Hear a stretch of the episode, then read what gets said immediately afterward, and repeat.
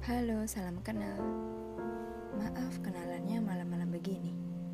Mungkin yang diajak kenalan sudah tidur, atau yang masih bangun memang terbiasa nggak tidur, atau mungkin memang malam adalah waktu yang tepat untuk saling bercerita. Tunggu, tunggu, ini bukan awalan podcast yang serius, tapi bukan main-main juga.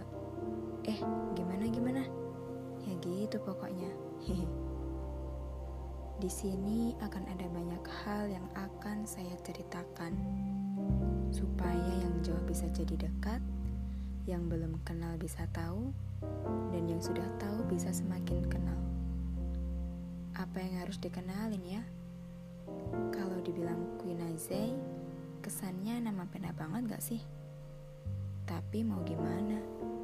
Saya sudah begitu nyaman dengan kata itu.